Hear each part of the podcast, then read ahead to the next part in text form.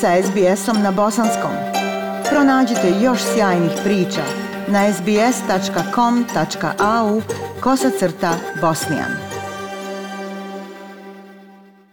Novi podaci pokazuju da više od polovine svih odraslih Australaca imaju tri ili više faktora rizika koji uzrokuju srčane bolesti, loša prehrana, nedovoljno vježbanja, pušenje i prekomjerna težina. Kylie Sardina imala je samo 48 godina kada je doživjela veliki srčani udar. Bila je mlada, zdrava, bez simptoma i znakova ranog upozorenja. I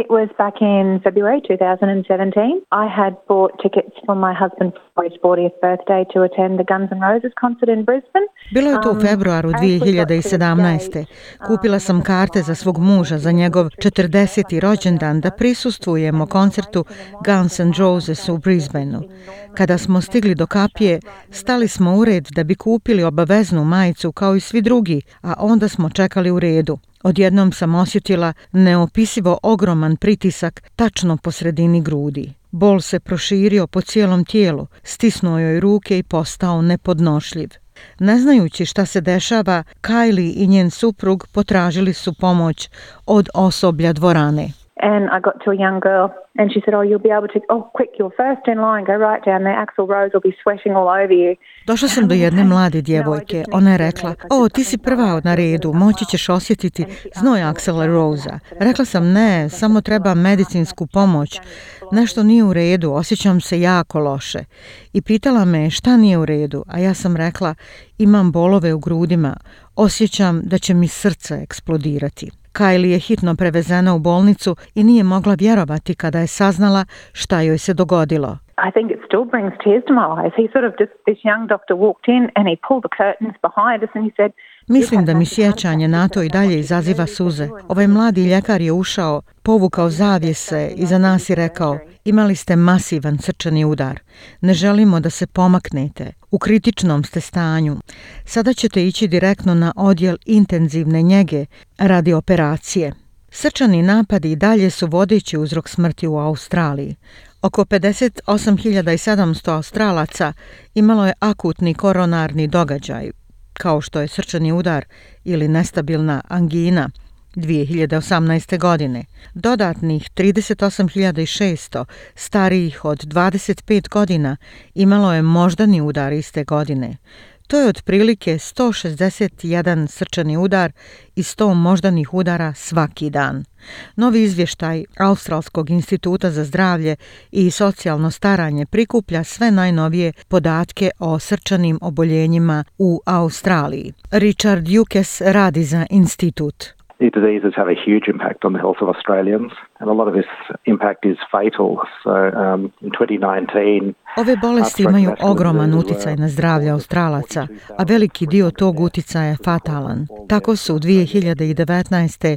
srčani udar i vaskularne bolesti bile uzrok 42.300 smrti, što je četvrtina svih smrtnih slučajeva u Australiji te godine. Izvještaj Srce, moždani udar i vaskularne bolesti koristi podatke Australskog zavoda za statistiku nacionalnih zdravstvenih istraživanja. Izvještaj pokazuje da je najmanje 62% tereta lošeg zdravlja uzrokovanog kardiovaskularnim bolestima uzrokovano promjenjivim faktorima rizika i da većina odraslih Australaca ima barem neke od onih faktora rizika koji uzrokuju srčane bolesti.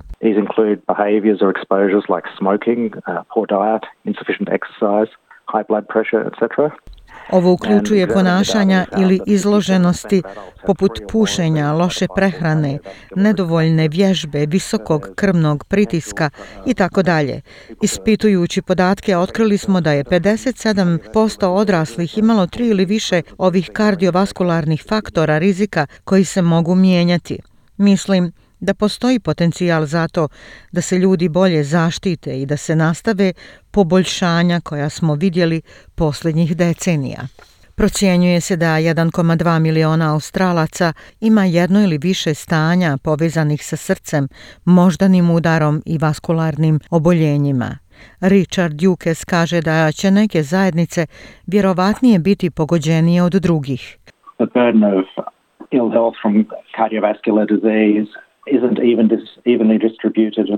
Teret lošeg zdravlja zbog kardiovaskularnih bolesti nije ravnomjerno raspoređen na različite grupe Australaca. Na primjer, ljudi koji žive na najnižoj društveno-ekonomskoj ljestvici imaju stope kardiovaskularne smrti 1,5 puta veće od ljudi koji žive u najvišim društveno-ekonomskim slojevima, a autohtoni Australci imaju dvostruko veću vjerovatnost da će imati kardiovaskularne bolesti u odnosu na Australce koji nisu autohtoni. Ali to nisu sve loše vijesti. Smrt od srčanih bolesti u Australiji dramatično je opala od 1980-ih, čak i sa povećanjem broja stanovnika – između 1980.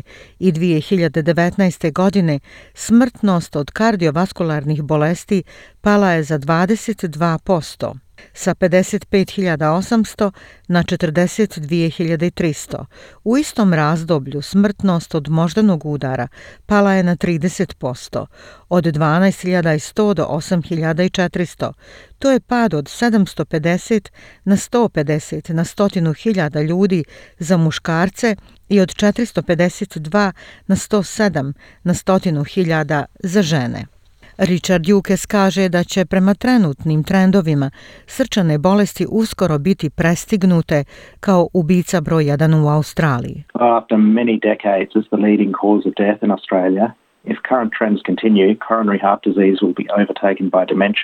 Nakon mnogo desetljeća kao vodećeg uzroka smrti u uh, Australiji, ako se trenutni trendovi nastave, koronarnu bolest srca prestići će demencija kao vodeći uzrok smrti u sljedeće dvije do tri godine, jer kao što smo vidjeli, stopa smrtnosti od koronarne bolesti srca stalno se smanjuje od svog vrhunca oko 70. godina u Australiji, dok je posljednjih godina godina smrtnost od demencije u porastu.